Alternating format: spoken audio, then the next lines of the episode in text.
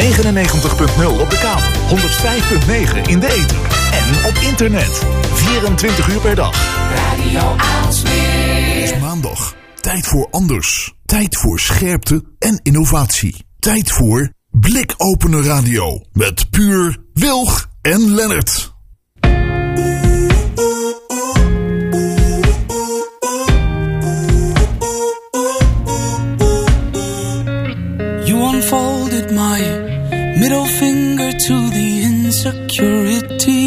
Chase me.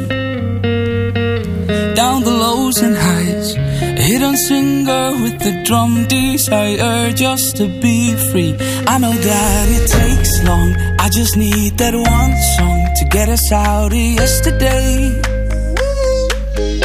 I need you to stay strong. Promise this won't take long. And if we turn out not okay, I'll be switching gears. Trust you do the same. Looking for tomorrow, filling up the hollow. I'll be switching gears, give meaning to my name. We will find tomorrow, filling up the hollow.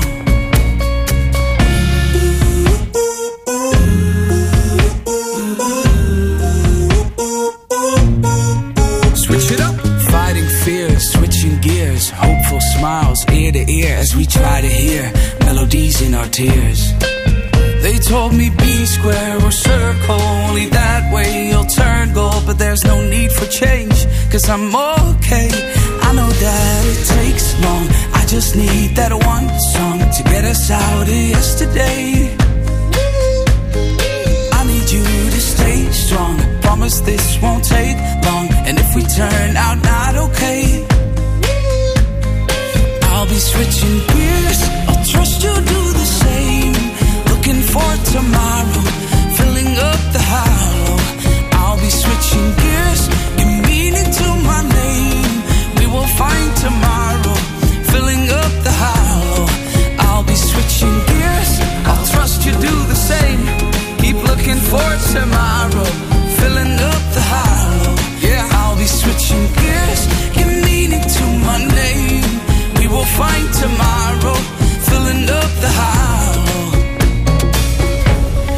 switching it up, no reason to stop. Filling up the hollow.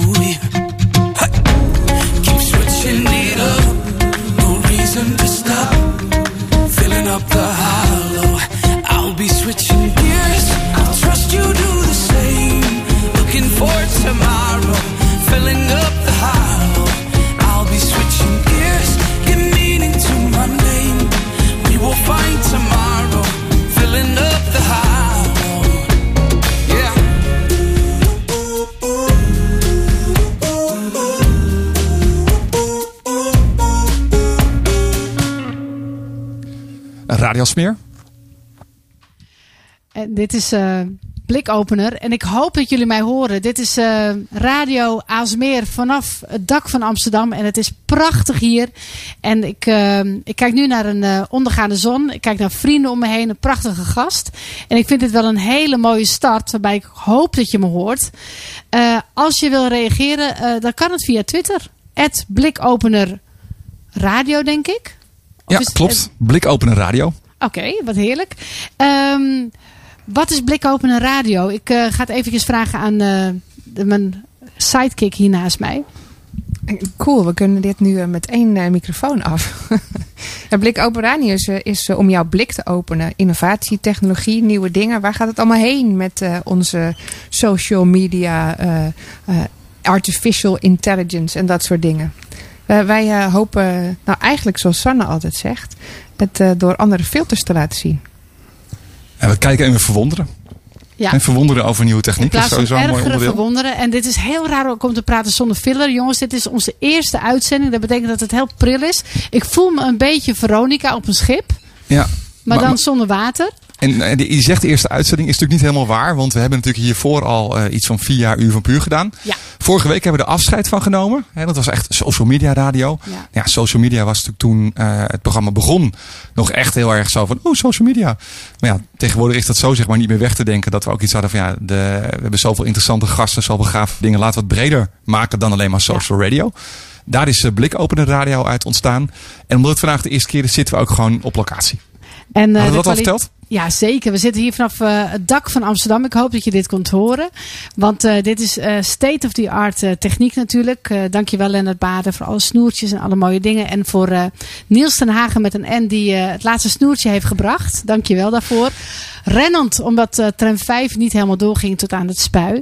En ja, de, het niveau van de gasten is ook ontzettend gestegen. Naast mij mijn aller, aller, allereerste gast hier bij Blikopener Radio. Kun je jezelf voorstellen wie je bent, wat je doet en hoe oud je bent? Hoe oud ik ben? Mijn naam is Herman Otten en ik ben 36 jaar oud. En ik ben uh, presentatietrainer. Ik geef trainingen spreken in het openbaar. Ik ben geschoold als acteur op de toneelschool in Utrecht. En dat doe ik overal en nergens. Ik doe het hier in Nederland heel veel. Geef ik trainingen, spreken aan mensen met hele ernstige spreekangst die überhaupt niet durven te spreken. Tot aan mensen die al ontzettend goed zijn, maar die nog beter willen worden. Ik doe het ook... Helemaal niet durven spreken? Dus Ja. niet alleen in het openbaar, maar gewoon helemaal niet? Helemaal niet. Ja, misschien als ze in een eentje thuis zijn. Dat zou kunnen. Nou hoorde ik trouwens ook, je hebt ook wel mensen die niet durven te spreken. Totdat ze dan een headset opzetten en op de PlayStation 4 met andere mensen aan de andere kant van de wereld samen gebouw moeten veroveren. En dan hebben ze weer geen probleem. Dus het heeft ontzettend te maken met waar ze zijn, hoe ze spreken en met wie ze zich omringen. Nou, we doe ik- riepen net iets over verwonderen. Dat is, dat is al gelukt. Nou, dat is- daar ben ik ontzettend blij mee. Ik heb me overigens ook ontzettend verwonderd over deze schitterende locatie. Kijk uit over Amsterdam. Het is net een soort Old Amsterdam reclame. Het is eh, ontzettend leuk. Ja. Ik, ehm, ik had een vraagje. Eh, hoezo ben je ooit deze kant op gegaan? Eh, was jij iemand ook die al heel vroeg sprak? Ja. Wat, hoe was je als kind? ik kwam sprekend, kwam ik mijn moeder uit. Nou, hij lijkt sprekend. ja.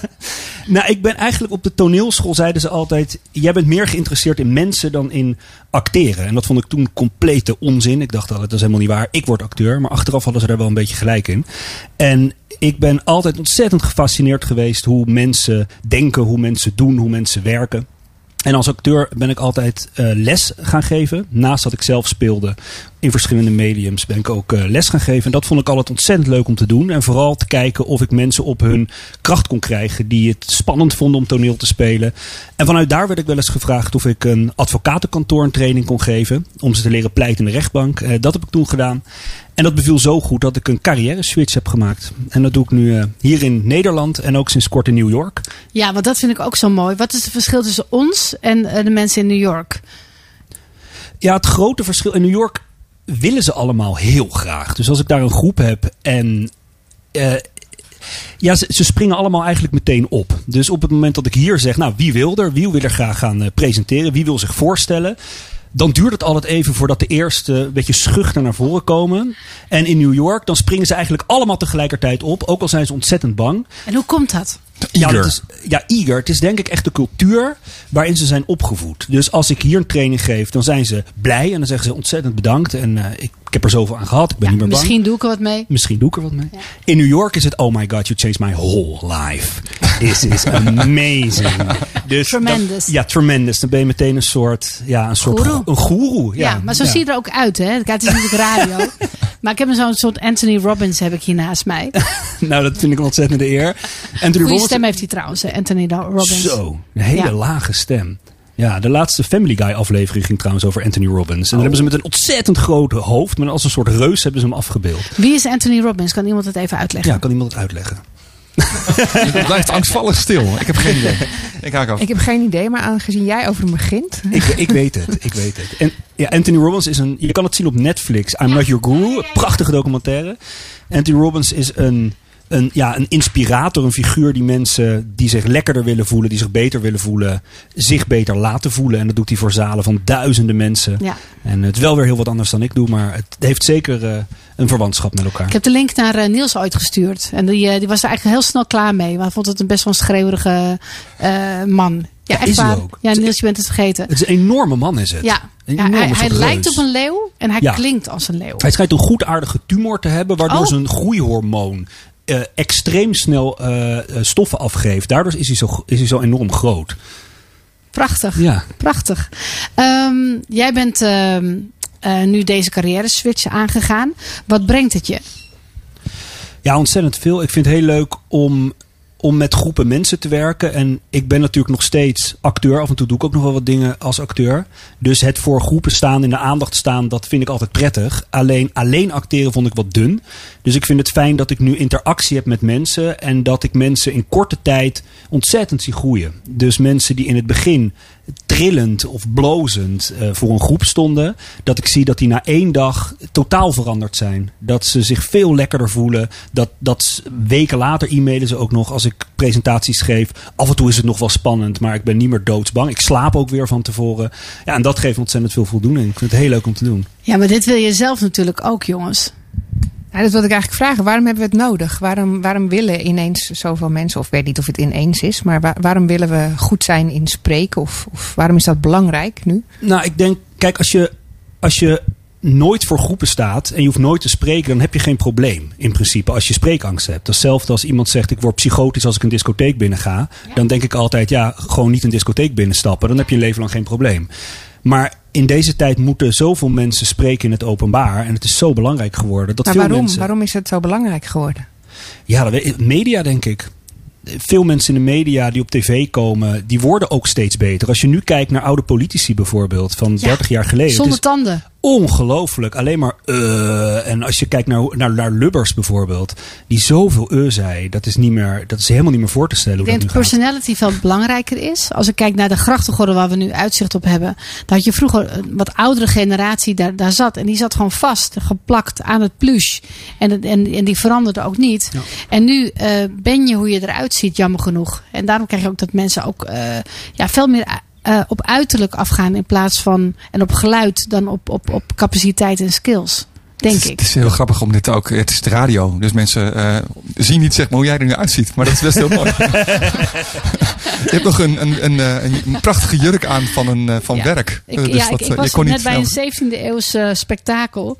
En ik kon mijn t-shirt niet vinden. Dus ik had twee opties. Of ik ging hier gewoon topless. Ja? Of ik ben Had ook 17e gekund. eeuwse eh, ja, matrone. En het laatste beetje Benny Hill-achtig ben ik vandaag. Ja. Dus, eh, Je ziet er schitterend uit. Wel jammer dat je dat nou zegt, want dat had natuurlijk ook in het midden kunnen blijven. hoor ik hier er niet.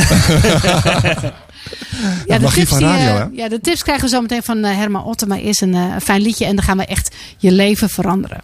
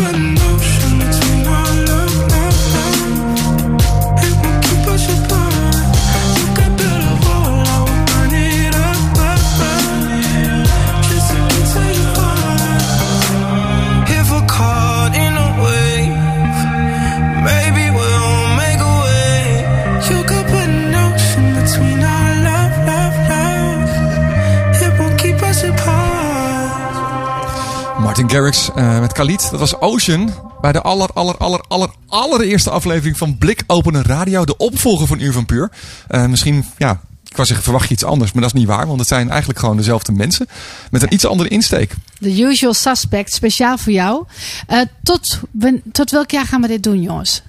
Ehm, ja, jij riep iets over 2038. Nee, als we nou gewoon elke vier jaar dan een nieuw jasje doen, dan houden we dat gewoon voor eeuwig vol.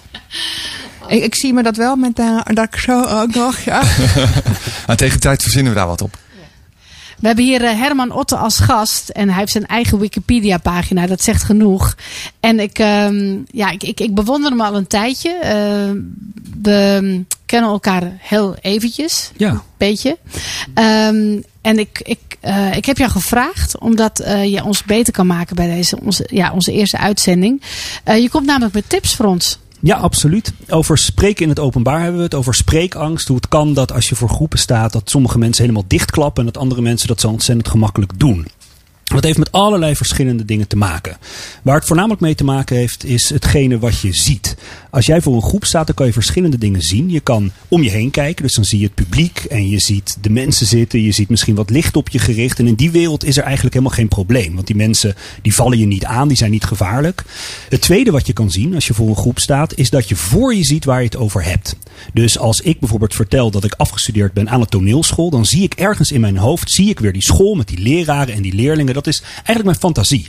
Het derde wat ik kan zien als ik voor een groep sta, is dat ik mijzelf kan bekijken door de ogen van het publiek. En dan zie ik letterlijk, zie ik mijn eigen arm, zie ik mijn eigen hoofd in mijn hoofd. En dat spiegel. is waar het misgaat. Een soort spiegel. Exact. Ja, het is eigenlijk een soort spiegel in je hoofd. En op het moment dat dat gebeurt, blokkeert het onderbewuste. En gaan mensen blozen, trillen, krijgen een hele droge mond, weten niet meer wat ze moeten zeggen. En ze raken blackout. En natuurlijk is er helemaal geen blackout. Dat kan niet, want je denkt altijd. Maar wat er gebeurt is dat ze het verkeerde zien in hun eigen hoofd. Dus ze zien niet meer waar ze het over hebben. Ze zien de ruimte niet meer, maar ze zien voortdurend zichzelf. Waardoor ze denken: wat moet ik met mijn handen doen? Of hoe sta ik eigenlijk? Echt of, overal te veel beletten. Kijken. Precies. Een Te soort, zelfbewust wordt. het is een soort overbewustzijn. Dat moet je dus nooit doen. Dus zorg er altijd voor dat als je spreekt in het openbaar, dat je goed blijft waarnemen, zoals ik nu jullie waarneem. En dat je goed voor je ziet waar je het over hebt. Door bijvoorbeeld je ogen omhoog te draaien en voor je zien waar je het over hebt. is altijd handig. Waardoor het publiek het ook mooi voor zich ziet. Wat een prachtige tip al om mee te beginnen. Dankjewel. Dank je. Dank je. Maar bewust mensen aankijken is daar een onderdeel van. Ja, nou kijk niet kaarsrecht heel lang in mensen hun ogen. Want als je dat doet, zie je via die ogen ook weer jezelf. Maar zie vooral de totaliteit. Dus als ik naar jou kijk, op dit moment zie ik jouw haar, ik zie je voorhoofd, ook je ogen, maar ook je trui. Ik zie een microfoon, ik zie een koptelefoon op je hoofd. Ik zie alles. Hoe Ja. breder ik kijk, hoe meer ik waarneem, hoe breder ik ook word in mijn eigen hoofd. En hoe meer ruimte ik heb om voor me te zien waar ik het over heb. Mooi. Hoe lang heb jij erover gedaan om hierachter te komen? Ja, dat is stap voor stap gegaan. Op de toneelschool heb ik hier heel veel over geleerd. Op toneelschool heb ik heel veel lessen hierin gekregen. Over hoe je natuurlijk kan performen. Daar ben ik vier jaar lang in opgeleid. En daarna heb ik heel veel geleerd door veel met mensen te werken. Dus hoe meer ik met mensen werkte, hoe meer ik erachter kwam hoe het werkte. Hoe meer mensen ik voor een groep zette, dat ik dacht, ja, dit werkt. Als ik dit zeg, zoals bijvoorbeeld luid spreken ook heel belangrijk is. Dat je niet te zacht praat. Dat is ook iets waardoor ik erachter kwam, ja, mensen die praten soms heel zachtjes. Waardoor de innerlijke stem in hun eigen hoofd, die hunzelf bekritiseren, luider is dan hun externe stem. Waardoor ze gaan e zeggen om die innerlijke stem te verstoren. Dus als ik zeg, eh.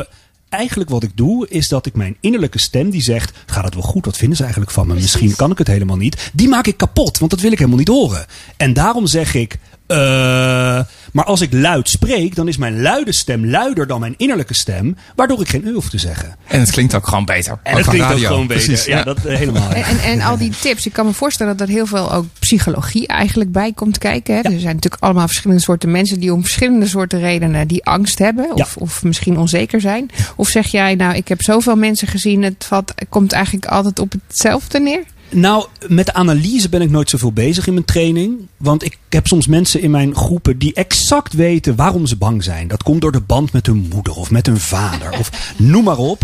En dan vraag ik altijd, nou fantastisch dat je het weet. Ben je er dan van af? Nee, dat niet. En dan denk ik, ja, dat is eigenlijk een beetje alsof je je fiets naar de fietsenmaker brengt. Omdat je band lek is. En dan kom je thuis en dan zeg je, nou ik weet precies waarom die lek was. Er zat een stukje glas in. En dan zegt je vrouw, die zegt, nou, is hij nu gemaakt? En dan zeg je, nee, hij is nog steeds lek. Dus de analyse, daar heb ik nooit zoveel mee. Ik heb, wat ik heel belangrijk vind, is dat iemand zich prettiger voelt voor groepen. Dat iemand zich niet de- de vraag stelt: hoe komt het nou dat ik bang ben? Maar dat iemand zich de vraag stelt: hoe kan ik me prettig voelen? En daar geef ik altijd hele technische tools voor. Hele technische tips en tricks. Dus kijk goed rond. Leun misschien wat op je voorvoeten. Dat kan heel veel helpen voor sommige mensen. En dat heeft echt weer per persoon te maken. Dat heb ik ook gehoord. Je moet aarden. Je moet echt je voeten voelen. Ja. Dan gaat het een stuk beter. Ja, dat kan ook weer. Ja, Ja. dank je. Ja. Ehm, nog een vraag. Hè? Zijn er mensen die ook hopeloos zijn? Nee. Nee. Bij, bij, bij- Nee. met, met mensen die stotteren. Hè? Ik heb natuurlijk King's Speech heb ik, eh, Ja. gezien. Zijn er mensen die ook niet te redden zijn? Nee, bestaan niet. Nee, ik heb nog nooit iemand gehad. Ik denk dat ik echt al duizenden mensen heb gecoacht. Ik heb nog nooit iemand gehad die niet te redden was. Nog nooit. Bij sommigen duurt het langer dan bij anderen.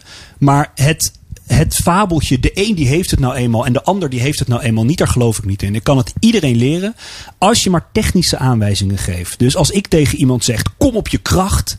Stel je kwetsbaar op, ik zeg maar wat. Ja. Dat zijn hele loze termen waardoor mensen altijd heel onzeker worden en helemaal niet meer weten wat ze moeten doen. Als ik zeg leun een beetje op je voorvoeten en praat twee keer zo hard, dan weten ze wat ze moeten doen. Maar dan is het wel belangrijk dat jij als coach precies weet wie je wat voor technische aanwijzingen moet geven. Dus mensen zijn een soort cryptogram wat dit betreft. Mensen zijn een soort cryptogram en je moet precies weten hoe je ze op kan lossen. Het zijn puzzeltjes. Dat klinkt En dat is misschien een ervaring beetje... natuurlijk. Dat is Ja, ervaring. dat is ervaring. Ja. Dat vind ik echt Ja. prachtig. Want iedereen... Ja, dus ik was vanochtend was ik dan... ehm, ja, eh, op een, een autismecentrum. En toen ging het over dat je eigenlijk je eigen handleiding moet leren kennen. Ja. En zodra je je eigen handleiding weet, dan snap je de wereld. Ja, ja, helemaal mee eens. Snap je de wereld? Snap ik de wereld? Nou, dat is weer wat anders dan snap je jezelf of snap je andere mensen. Ehm, nou, ik denk, ik heb inmiddels wel zoveel training gegeven dat ik, ik, ik denk nooit meer wat moet ik met deze persoon. Dat heb ik nooit meer. Nee, ik weet bij iedereen wel een eerste stap. En het heeft ook met een volgorde te maken. Dus ik weet altijd een eerste stap. En vanuit die eerste stap komt weer een tweede stap. En uiteindelijk wordt iemand steeds zelfverzekerder en voelt zich steeds prettiger. En het is ontzettend belangrijk om iemand een fijn gevoel te geven. En eh, dus eigenlijk zeg je, het is altijd een soort optreden wat je doet. En ik kan je daar technieken voor leren. Ja, ook in het echte leven bijvoorbeeld. Kijk, een optreden. Ik hoor heel vaak mensen tegen me zeggen: Ja, maar dit ben ik niet. Ik kan wel harder praten en ik kan wel heel enthousiast doen, maar dit ben ik niet. Dit is niet natuurlijk. En dat klopt ook, dat zijn ze niet. Maar toen ik naar de toneelschool ging, toen liep ik heel krom. Ik ben een vrij lange man. Waarom ik krom liep, ik heb geen idee. Misschien ook bekend. vrienden die Ja. kleiner waren waar ik bij wilde Ja, horen. Misschien. Ik liep krom. Op toneelschool zetten ze me rechtop. Maar voor mijn gevoel liep ik twee weken helemaal naar achter. Maar dan keek ik in de spiegel en dan zag ik dat ik rechtop stond. Dus uiteindelijk wordt dat onnatuurlijke wordt een tweede natuur. Alles wat je doet is ooit moeilijk geweest. Is ooit onnatuurlijk geweest. Behalve instinctief gedrag. Poepen, plassen, slikken, knipperen. Dat gaat allemaal vanzelf. Maar dat ik nu een microfoon vasthoud, dat ik een slokje neem van mijn water, dat was ooit volledig onnatuurlijk. En dat heb ik uiteindelijk mijn eigen gemaakt. Dus ook spreken in het openbaar, als je denkt dat kan ik niet, in het begin gewoon forceren.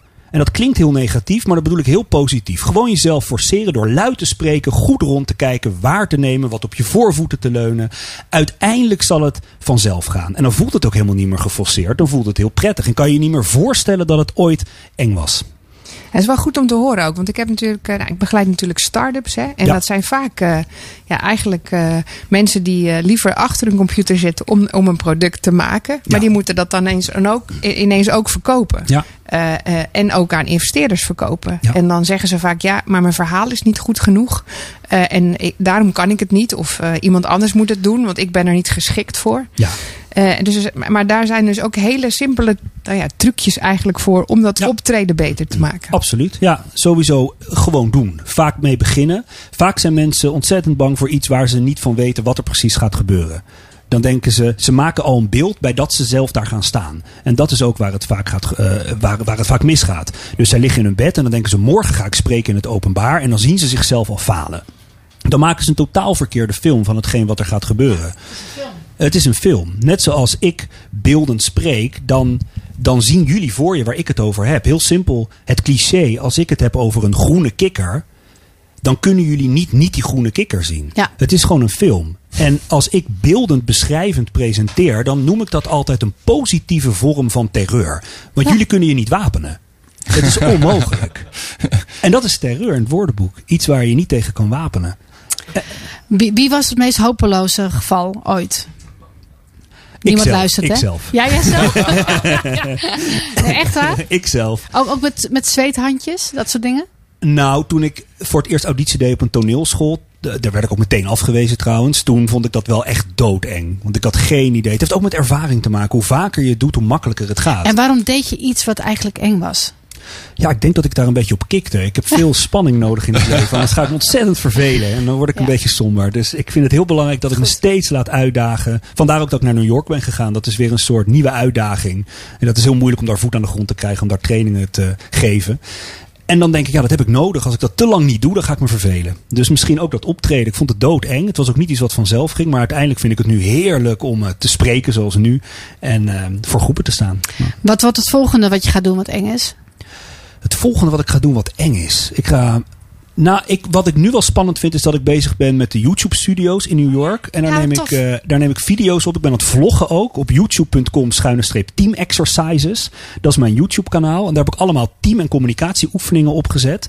En dat ben ik nu met echte mensen aan het opnemen. Dat deed ik eerst met animaties. En ik ben het nu met echte mensen aan het opnemen. En ik ben ook elke week een vlog aan het opnemen en aan het posten op youtube.com schuine streep team exercises. Volgens mij heeft nu iedereen het wel gehoord. Ja.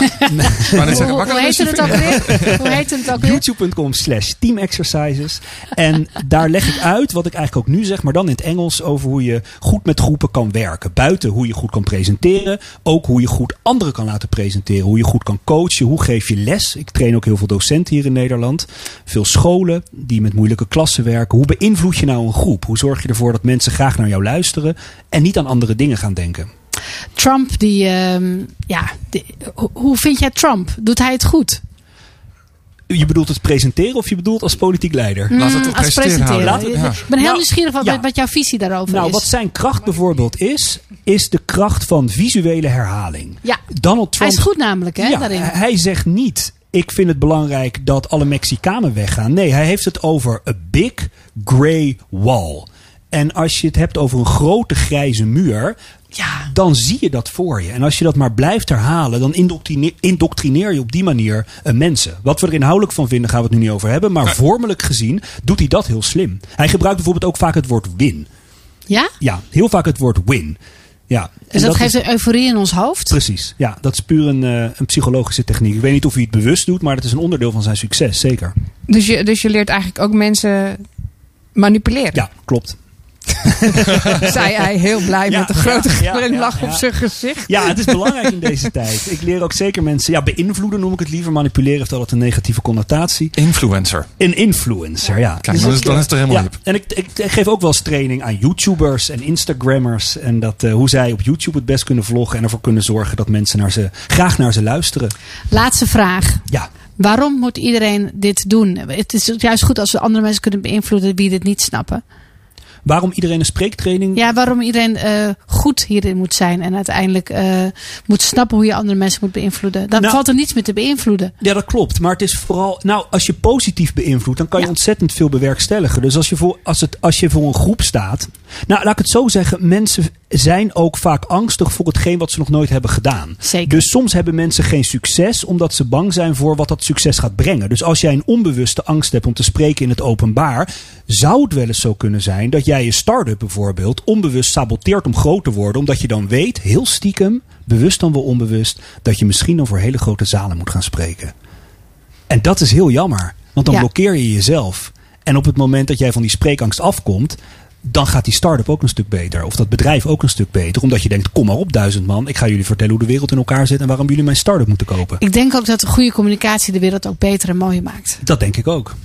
Mooi. Mooi. Dan is dit eh prachtig. Dankjewel. Dankjewel hermanotter.nl. ja, hermanotter.nl, die hadden we nog niet gezegd. Dat is mijn website. Als je een spreektraining wil, privécoaching of voor je bedrijf, hermanotten.nl. Dankjewel.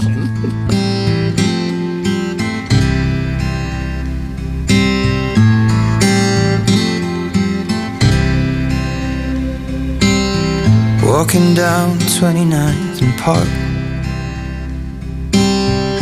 I saw you in another's arms. Only a month we've been apart. You look happier.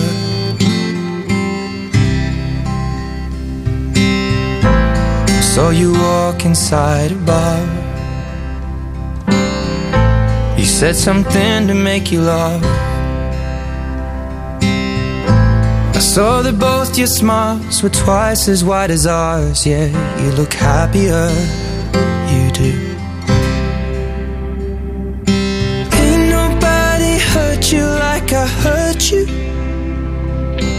Ain't nobody love you like I do. Promise that I will not take it personal,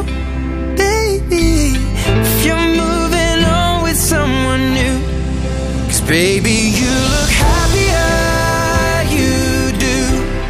My friends told me one day I'll feel it too. And until then, I'll smile and hide the truth. That I know I was happier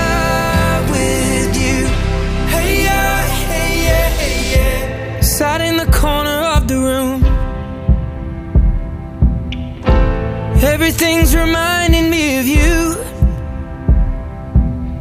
Nursing an empty bottle and telling myself you're happier, aren't you?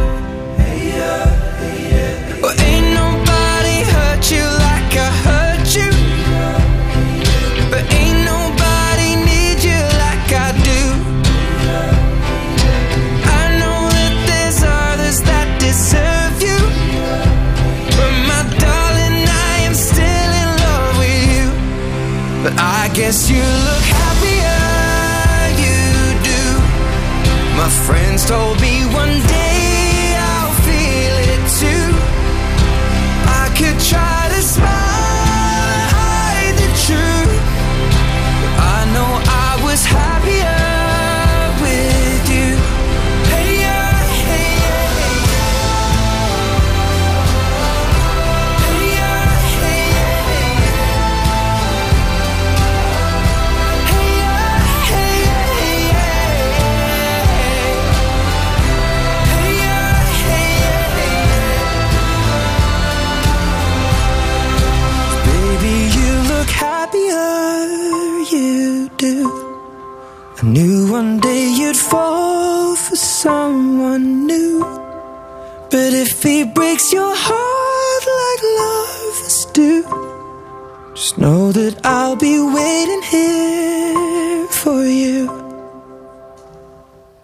Sheeran, Happier. Blikopen radio, de allereerste aflevering. Jongens, het is nu al heel, heel, heel leuk. En dat Vanuit is omdat jij luistert. En, eh, en dat we natuurlijk ook eh, de wereld een beetje beter maken. We hadden het net over communicatie met hermanotte.nl. En ehm, communicatie is ook eh de Nederlanders op Twitter. Volgen jullie de Nederlanders, jongens? Uiteraard. Oké, en eh, we hebben Rick Stegger daar nu eh, in de uitzending, ook via Twitter. En eh, Rick, Ja, wat gezellig dat je er bent. ja, wat gezellig dat ik er ben. En ik, zat, ik was jullie helemaal vergeten door iets. dus ik ben als een raad mijn column nu aan het zoeken. Ergens Oh, wat in mijn mapje. dit. Eh, hoe ben je de, de, de vorige week doorgekomen via je, je, je maagdelijkheid die je bent verloren bij, eh, ja, bij Blikopener? Werd je aangesproken op straat? Eh, waren mensen die jouw handtekening wilden? Hoe is dat gegaan? Digitaal is dit natuurlijk allemaal wel gebeurd. Ehm, eh, nou ja, ik vond het heel fijn. Ik vond het heel leuk om zo eh, op de radio te zijn. En ik kreeg bij jullie zo heel erg het ouderwetse gevoel van radio maken waarin alles kan. En die vrijheid voelde ik ook in, zo in die column kunnen doen. Dus dat Ja. vond ik eigenlijk... eh, En de zenuwen die je nu voelt, hè, omdat je je column niet kan vinden. Wil je dit vaker in je leven hebben? Ik heb hem inmiddels al gevonden, dus dat schept enige, Nou, jammer. enige rust. Jammer, hè? Ehm, maar dat Ja. is wel... eh, nou, in begeleiding gaat het daar veel over. Dus de spannende dingen doen. En wat had ik nou gedaan als ik het niet had gevonden? Precies, precies. Nou, ik, eh, ik ben heel nieuwsgierig. Blikopener. Legendarisch, op de kunstacademie waar ik werk, is de blikopener opdracht. Een van de vakdocenten liet zijn studenten 15 weken lang tekeningen maken van een blikopener. En niet alleen van die lullige kleintjes, maar ook tekeningen van meer dan een meter. Blow-up blikopeners.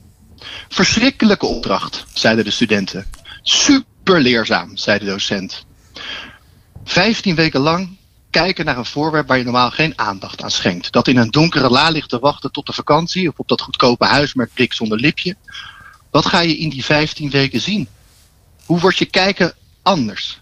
Wat gaat fascineren aan dit dood op normale object? Byung-Chul Han schrijft in zijn mooie boek De Vermoeide Samenleving over hyperaandacht. Dat de intensieve contemplatieve aandacht meer en meer terugdringt. Al die snelle focuswisselingen zorgen ervoor dat de tolerantie voor verveling afneemt. Laat staan dat ze ruimte laat voor de intensieve verveling die nodig is voor het creatieve proces. Walter Benjamin beschrijft het als een droomvogel die het ei van de ervaring uitbroedt. Paul Cézanne merkte eens op dat hij bij intensieve aandacht hij de geur van de dingen kon zien. Nog nooit stonden de actieven de rustelozen zo hoog in aanzien. Ze kijken niet, ze scannen. Ze knippen en plakken. Door hun voortdurende hyperaandacht weten ze precies hoe hyperaandacht werkt. Hoe ze de aandacht op zichzelf moeten richten. Hoe ze zichzelf op kunnen blazen. Blow-up blikvangers zijn het. Heb jij wel eens heel goed naar een blikopener gekeken? Naar de glans, de buigingen, het mechanisme. Van alle kanten ziet de blikopener er anders uit. Het is een fascinerend gebruiksvoorwerp dat in de handen van een aandachtige kijker meer wordt dan waar het voor bedoeld is. Als je goed kijkt, opent het werkelijk je blik. Wauw. Wauw, dit was Mooi, echt, mooi. echt zo goed. Hoe traumatisch is eh, een blikopener voor jou na 15 weken? Eh, ja, ik ben geen tekenaar. Het is een opdracht die ik zelf nooit heb heel mogen doen. Gelukkig. Ik ben natuurlijk een schrijver. Maar, eh, Het was ik, eh, fictief, deze Nee, opdracht. nee, nee. Het is ook niet fictief. Want ik werk op de kunstacademie en ik werk ook bij een tekenopleiding. Ik geef les aan animatoren en striptekenaars. Maar vroeger op deze academie was dit echt een opdracht. En ik heb een aantal van die tekeningen ook wel gezien. Dus het is zeker niet fictief. Maar ik heb het zelf nooit hoeven doen. Is het een strijd eh, tegen de hyperaandacht eh, mensen? Vraag je aan mij of aan de mensen? Nee, aan jou. Ja, ehm, ja, ik denk dat dat wel zo is. Ja. Ik moet ook aan mezelf denken, maar eh, ook, ja, nou ja. Pak die handschoen maar op. Ja, nou ja, het is toch wel een eh, complex gebeuren om echt heel geconcentreerd zonder eh, enig mailtje, telefoontje, eh, iets gestoord te worden. En ik merk zelf wel dat het echt, ik heb er ook wel eens over gelezen, het duurt 40 minuten hè, voordat je in die creatieve houding bent of staat bent waarin je echt op een andere manier kunt denken. En het elke andere aandacht of elk iets anders wat er gebeurt, haalt je daaruit en dan kun je weer 40 minuten opnieuw beginnen. Het is ook een acteermethodiek om heel lang naar één en hetzelfde voorwerp te kijken. Om dan helemaal in het hier en nu te komen. Dus dan ga je op een stoel zitten en dan kijk je bijvoorbeeld 25 minuten alleen maar naar één pen. En dan ontdek je steeds nieuwe dingen daarin. Een soort meditatie. Ja.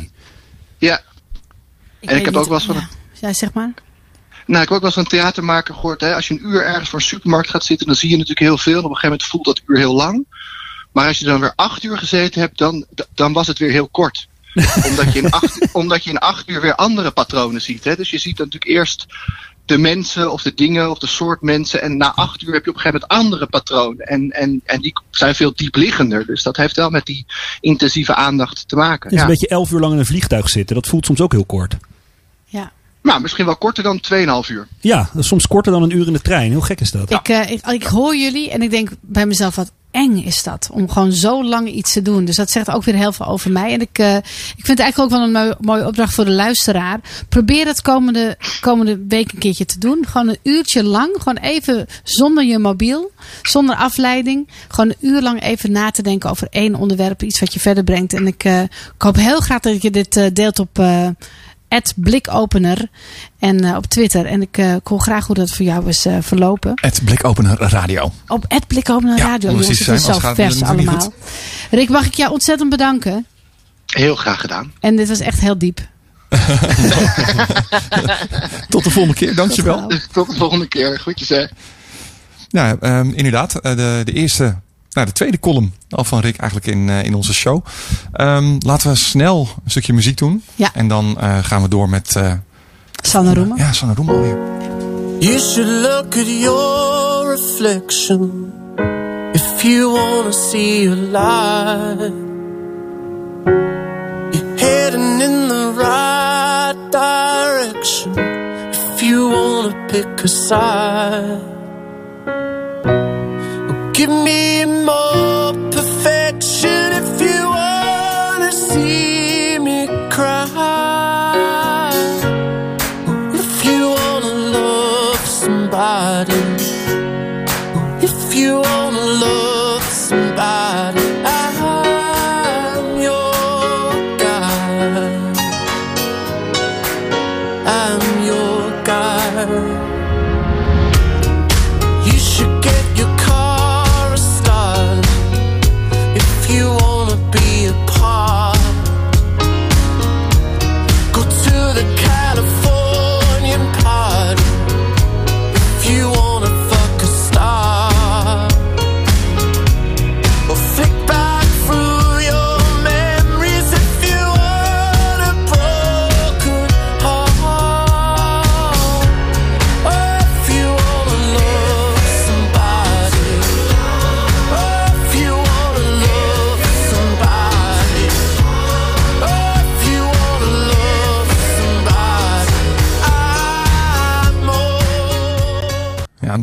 O'Dell die mag zijn liedje niet helemaal afzingen, want de tijd vliegt gewoon voorbij eh, met zo'n eerste uitzending van eh, Blik. Openen Radio. En we schakelen meteen door naar Sanne Roemer. Sanne, goedenavond. Hey, hi. En welkom natuurlijk in Blik Openen. Je kon er vorige week helaas niet Ja. bij zijn toen we onze laatste aflevering Uur van Puur hadden, maar daarom extra fijn dat je de eerste uitzendingen wel bij bent. Vind ik ook. Voor de mensen die je niet kennen, wat doe jij? Ik eh, help mensen die de wereld aan het redden zijn. Oei, die is mooi. Hoe, hoe, mooi. hoe doe je dat?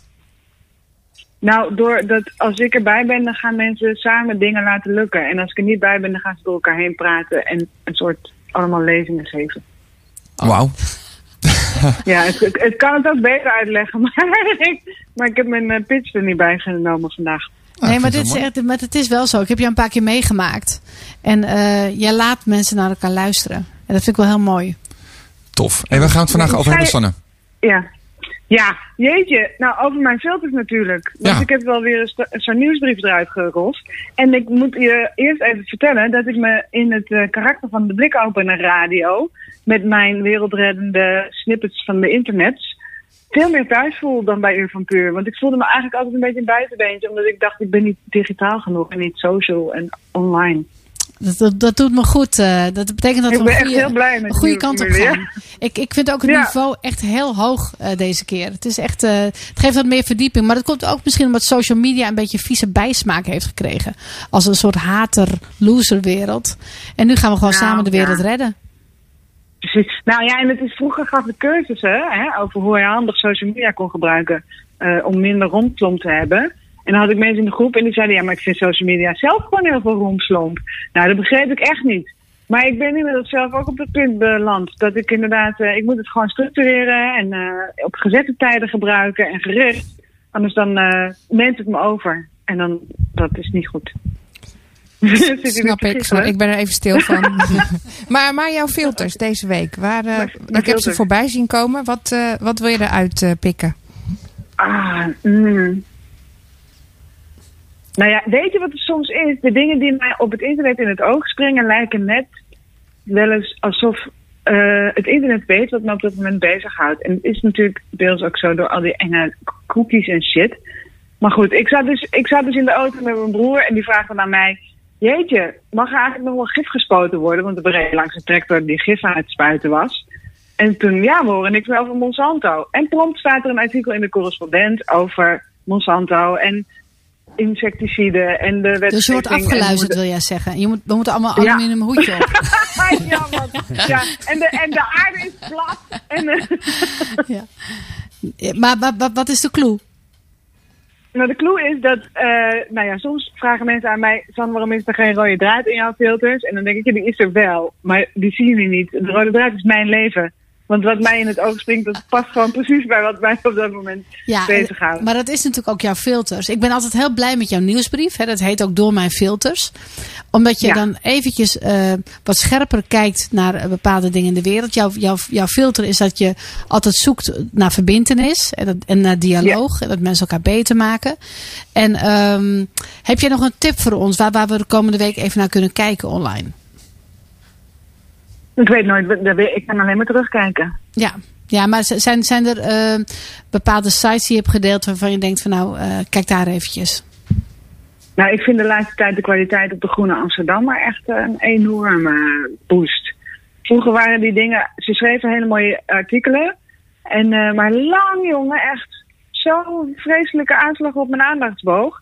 En nu is het nog steeds wel lang, maar van het begin tot het eind grijpt het me gewoon. En ik blijk ineens inderdaad deze week twee artikelen van de Groene Amsterdammers gedeeld te hebben. Nou, zoveel eer eh, geef ik één platform meestal niet. Oh, dat vind ik wel mooi. Dus de, Dank de, vind ik wel een website om in de gaten te houden. Dank je, dat is een goede tip. Want ik was eigenlijk al een beetje vergeten de laatste tijd. Dus Ja. dank je wel daarvoor. Eh, heb jij nog dat van Kok voorbij zien komen dat hij probeert eh, een e-mailtje te openen of zo? Dat hij bezig is met, met, met, met, met een computer, met een muis. Heb je dat gezien, dat filmpje? Nou, ik zou je zeggen, nee. En eh, ik had gisteren pas door dat hij overleden was. Zo'n relatie heb ik met het nieuws. Maar ik kan me wel volgens mij kan ik me wel die film herinneren uit het jeugdjournaal toen het gebeurde. Dat hij zijn muis over het scherm bewoog. Ja, hij, hij was eigenlijk heel Ja. visionair. Want hij had al een touch, touchscreen in gedachten. Heeft iemand het Ja. filmpje gezien, jongens? Ja, ik heb het gezien, ja. En wat, wat vond je ervan? Ja, ik vond het hilarisch. Ja, ja echt. geestig, ja. Een, een, een soort opa ja. En, en dat is dan de- onze staatsman op dat moment. Een opa die niet wist hoe een muis werkt. En in die tijd kwam hij er gewoon mee weg. En, en, Nou, ik, zou, ja, ik heb een recente anekdote van mijn, eh, mijn, mijn tante die eh, vastliep in Windows. En die telefonisch ondersteuning van haar man eh, kreeg. En toen zei hij, eh, je moet eerst even het venster sluiten. En toen stond ze op en liep ze naar het raam. En vroeg ze ondertussen, hoe wist je dat het open stond? oh, prachtig, prachtig, prachtig. Klassieker. Ja, dank je. Dank je. Eh, als we jou willen volgen eh, en ook geabonneerd willen zijn op jouw eh, mooie nieuwsbrief, hoe doen we dat? Dan ga je naar filters.sanneroemen.nl. En dan wijst zich het verder vanzelf. Dankjewel. En fijn dat je nog bij onze club bent. Ja, ik voel me helemaal thuis bij jullie. Nog meer dan eerst. Jullie moeten vaker speed metal draaien, dan duurt de muziek niet zo lang. Dank voor de tip. Dankjewel, Sanne. Oké, tot later. Ehm, nou ja, het is alweer eh, bijna het eind van de aflevering. Ik kan me niet geloven dat het zo snel voorbij gegaan is. Dus laten we ook nog even eh, contact hebben met de Nederlanders. Wilde jij graag spreken? Ja, ik, Of gaan we die eh, skippen voor volgende wie, van, je- nee, wie van jullie volgt Nederlanders? Dat is op Twitter een, eh, een account. Ik noem het altijd een soort Eurovisie Songfestival. Waarbij elke week iemand anders wordt uitgekozen om ons boegbeeld te zijn. Hè, onze Nederlander. En het is een, eh, een, een, een account die heel gevarieerd is. Van links naar rechts. Hoewel het iets meer links is dan rechts.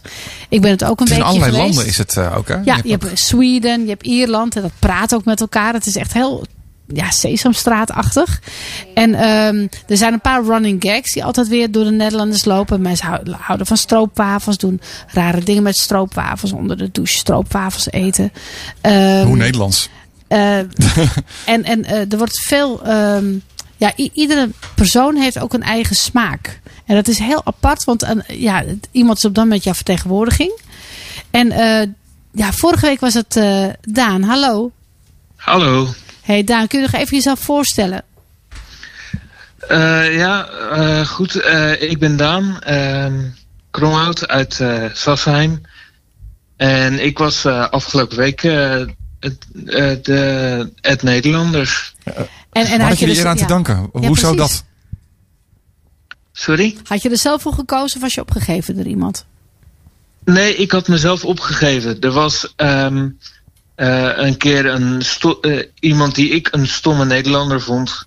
En toen dacht ik van, ik geef mezelf op. En, En ik ben uiteindelijk, ja. nou ja, heb je het toen goed ben ik gemaakt? deze- met die persoon. Ja. Eh, Uiteindelijk heb, je- Nee. heb jij het goed gemaakt voor ons. Hoe, hoe was je week? Vertel eens. Oh, ik vond het een leuke week om te doen. Ik, ik, heb ik vond het wel lastig om eh, telkens gewoon weer iedere dag eh, zelf dingen erop te zetten. Want normaal dan ehm, heb je met je eigen tijdlijn heb je natuurlijk, die ken je al een beetje, heb je interactie mee. En ehm, nu kwam ik in een totaal onbekende tijdlijn en niemand die nog echt bekend was. Wat Dus viel je was op eh, aan, deze bubbel? Want je kwam natuurlijk in een hele andere wereld terecht. Hoe is de timeline als je Nederlanders bent? Zijn de mensen aardig voor je of eh, maken ze je af? Ik vond, eh, over het algemeen vond ik de mensen heel vriendelijk. En ik heb echt leuke interacties gehad. Ook wel een aantal minder leuke interacties, maar dat heb je altijd wel. En wat is je achtergrond? Wat doe jij in het leven? Ik werk als schoonmaker in het ge- gemeentehuis in Voorhout. Ik ehm, heb een beschermde werkplek, dus dat is eh, wel op zich. Ik heb een prima werkplek zo. Wat goed, wat goed. Maar dat is natuurlijk moeilijk om daar vandaan te tweeten. Want dat, is allemaal, dat mag allemaal niet. Of heb je dat toch stiekem gedaan? Nou, op zich, mensen eh, die zijn daar niet zo heel erg streng daarop. Ze willen gewoon dat je je werk goed doet. Dus, en dat doe ik. En wat is het leukste wat je getweet hebt? Waar kwamen de meest eh, positieve reacties op? Wat ik zelf het leukste vond, eh, was die. ehm, eh, de vorige Nederlanders die had een tweet over eh, Ruben van der Leek. En toen had ik de Guus Meeuwis reactie daarop. Vertel. Ehm, ja, Guus Meeuwis heeft natuurlijk meegedaan in de Lama's met de doventolk. Oh. En waarin Ruben van der Meer ook tolkte. En ik heb dus de ehm, eh, Ruben van der Leek eh, eh, Gus Seagulls connectie gemaakt. Volgens mij hebben we niet in de uitzending gehad daarover, Ruben van der Meer. Staan we zo bij. Ja, we hebben hem eens gehad. We hebben hem letterlijk in de uitzending Ja. gehad toen hij Netherlands was geweest. Dat is waar. Zoveel gaan we terug. Ehm, Daan, wat voor cijfer gaf je jezelf eh, afgelopen week? Ik gaf mezelf een 8, maar wat, wat andere mensen ervan dachten, nou ja, op zich, zoals ik al in mijn afscheidstweet zei in het Nederlanders, dat boeide me niet zoveel. Goed zo. Hey, dankjewel dat je onze Nederlanders wilde zijn. En eh, ja, als we jullie volgen op Twitter, wat, eh, wat is je naam op Twitter? Het is gewoon mijn eigen, eigen naam als hendel, dat is eh, Daan Kromhout. Mooi. Hey, dankjewel hè, Daan. Jo, Tot bedankt. Het was eh, leuk gesproken te hebben. Top man, dankjewel. Ehm nou, daarmee is er eh, echt helemaal bijna een eind aan deze aflevering. Maar natuurlijk niet zonder eh, een klein stukje Week van Wilg, denk ik. Ja, we hebben de Week van Wilg. En eh, ja, jammer, we hebben- moeten een nieuwe jingle hebben. Die is maar heel prachtig. maar eh, dan de Week van Wilg nog eventjes oude stijl. Ja, of we doen het gewoon eh, gezamenlijk. Vind ik ook goed. Kan maar jij, jij, mag, eh, jij mag voorgeven dan. Ja, ehm, nou, de eerste wat ik tegenkwam is eigenlijk toch weer een beetje stiekem social media. Want ik zat, eh, ik zat op Twitter. en toen kwam ik een artikel tegen van, van Radio Noord-Holland. En dat was een like-and-win actie. Een die- like- die- en win actie. En ik kan, eh, Dat ik kan, bijna ik klassiek. kan hem gewoon niet, eh, niet, niet noemen hier. Eh dat was eigenlijk als een stunt bedoeld voor een heel groot Halloweenfeest in Fort Kijkduin. En daar dachten ze, wat voor actie gaan we nu toch weer doen? Toen dachten ze, ja, mensen lezen eigenlijk gewoon helemaal slecht op Facebook. Die liken alles, vinden alles leuk. Als, ze maar, ja, als het maar voorbij komt. Alles is zo snel. We hadden het net over die hyper... Aandacht. hè? ja, dus hebben ze een like- en win-actie bedoeld, eh, bedacht eh, op Facebook. En er waren drie winnaars. En die winnaars die kregen letterlijk een, eh, een like voor de deur bezorgd. ja, want die werden ook een beetje verrast. Dat, stond in, dat stond in die tekst. er stond in de tekst En niemand gewoon las dat. duidelijk win een, win een like actie. Maar mensen lezen dat gewoon niet. En die denken like, win, oh klop, klik. Eh, ik like het en dan win ik straks wat. nou winnen ze ook da- wonnen ze daadwerkelijk twee vrijkaartjes voor dat feest. Eh, maar ze hadden drie acteurs inge, ingehuurd, gesminkt en in een, eh, in een kist op wieletjes gelegd. Bekende en die, acteurs, En die, nou niet bekende acteurs. En die rolden ze voor de voordeur en daar hebben ze mee aangebeld. en er stond echt in de actie win een like. Wat waren de reacties van de mensen? Want ik kan me een keertje herinneren dat eh Paul de Leeuw dat had op een podium. En, en, en, en toen kwam er een vrouw die zegt: Ja, maar ik heb net mijn man begraven. Ik, ik ga nu eindelijk een avondje uit en nu gebeurt dit. Want het kan natuurlijk ook heel fout aflopen als iemand net iemand is verloren. Het is best wel chockerend. Maar beetje, waren er eh, slechte reacties op? Nee, het is allemaal gefilmd. Want het is natuurlijk ook een beetje het stunt van dat eh, feest van Fort Kijkduin. Er waren twee eh, mensen wel heel erg geschrokken. Maar die hadden zoiets van, ja, ik had ook eigenlijk niet zo goed gelezen. Dat was het hele punt. dat ja. was het hele punt. Het zou ook wel raar Eh, zijn als mensen helemaal niet schrikken. Dat ze gewoon zeggen, nou bedankt.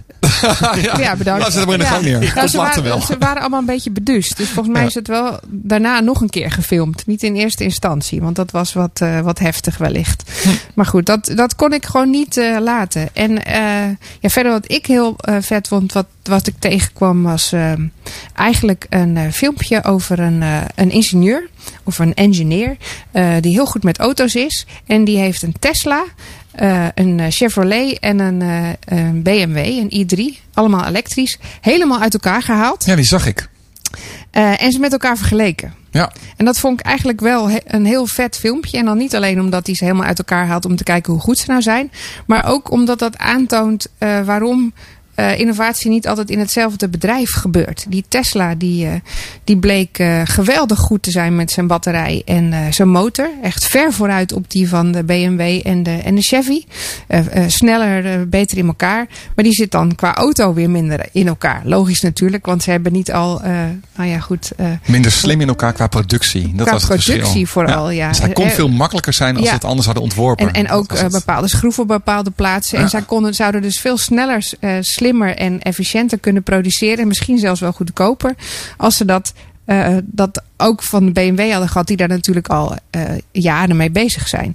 Ehm, maar ja, ze moesten wel, denk ik. Ik, ik. Mijn conclusie uit dat filmpje is dan... Nou, tof, dat, dat is heel tof om te weten. Nu moet de rest ze inhalen.